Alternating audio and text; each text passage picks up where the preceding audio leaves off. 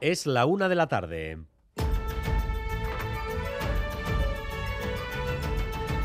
Crónica de Euskadi con Dani Álvarez. A León, esta tarde empieza la campaña electoral para las elecciones del 28M. En juego los municipios, las diputaciones y el Parlamento de Navarra. Incógnita la participación y las posibles sorpresas que no siempre anticipan las encuestas. De partida, el PNV aspira a mantener su poder, que es casi todo, tres diputaciones, tres capitales y la mayor parte de localidades más pobladas, en un escenario estable.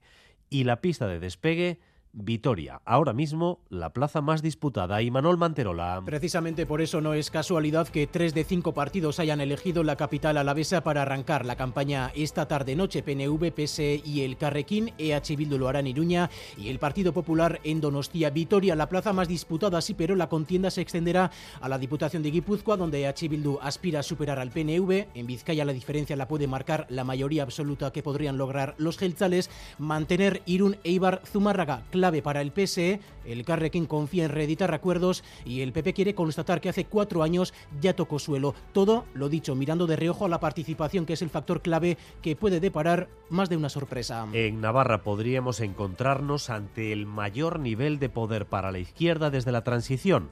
La división de la derecha y la OPA hostil del PP a UPN ponen en bandeja pactos entre los socialistas, Gueroa Bay, EH Bildu y Contigo Navarra.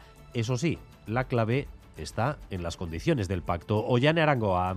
La principal incógnita es cuánto le va a restar a UPN la fragmentación de la derecha y cuánto poder municipal perderá la formación liderada por Javier Esparza. Otra clave en estas elecciones será si la mayoría y el acuerdo progresista que se ha blindado esta legislatura en el Parlamento se extenderá también a los municipios. Ahí será determinante qué formación logra ser la primera fuerza, parte con ventaja a priori el Partido Socialista de María Chivite, con la ambición de Geroabay de superarles, también la posibilidad del sorpaso de H. Bildu a Abay, cuya prioridad es recuperar Pamplona para Joseba Sirón, y la otra novedad, la confluencia de las izquierdas contigo Navarra, que pretende volver al consistorio pamplones y recuperar Tudela. La presencia de miembros de ETA condenados por delitos de sangre en las listas de Euskal Herria Bildu, siete en concreto, está presente en casi todos los discursos. El PSOE y Unidas Podemos recuerdan que Bildu tiene derecho a poner en sus listas a quien desee.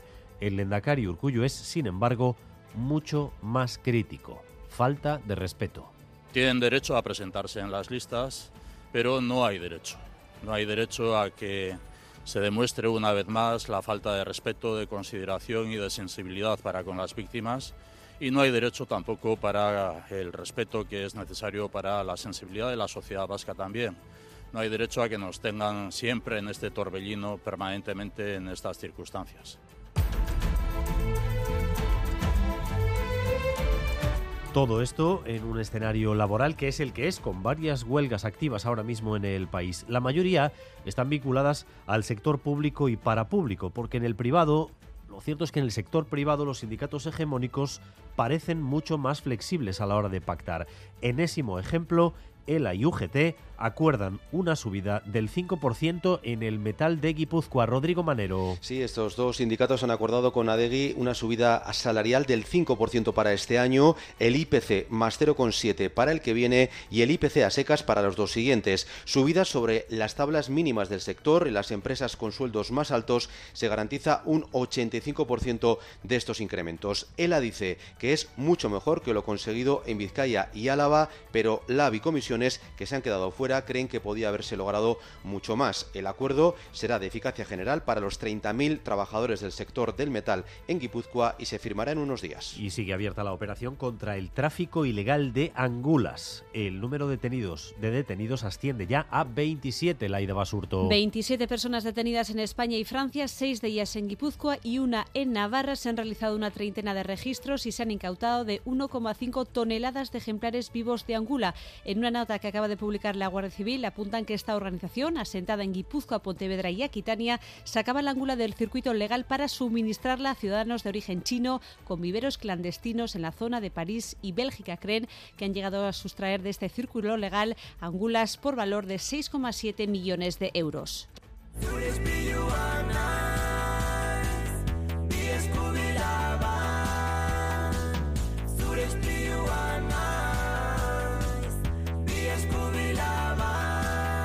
Y hoy se han presentado varias citas musicales relevantes. Por ejemplo, las actividades paralelas del BBK Live, que amplían el espacio con la iniciativa Errian, dos festivales que tendrán lugar dos sábados de junio en Lekeitio y Munguía, con Jofe, Ben Yard, Vengo, Aviador Dro, Doctor Explosion, Tapia Taleturia o Lendacaris Muertos. Y en lo clásico, una nueva edición de Musicaste, la Semana de la Música Vasca, entre el 16 y el 27 de mayo.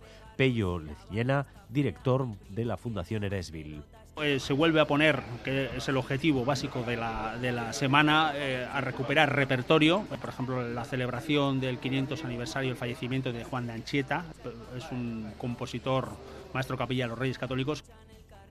Y vamos también con lo más destacado del deporte, con Álvaro Fernández Cadierno, Arracha León. Arracha León en baloncesto Liga CB se juega esta tarde el Juventud Basconia, anoche en Miribilla, victoria por 17 puntos de Bilbao Basket ante el Breogán y en fútbol hoy tenemos partidos de ida de las semifinales de la Europa League con acento vasco el Sevilla de Mendilibar visita el campo de la Juve, el Bayer Leverkusen de Xavi Alonso, el de la Roma. Jueves con precipitaciones, especialmente en Vizcaya, Guipúzcoa y el norte de Navarra y Araba. Además, viento del noroeste que se irá intensificando también durante la tarde.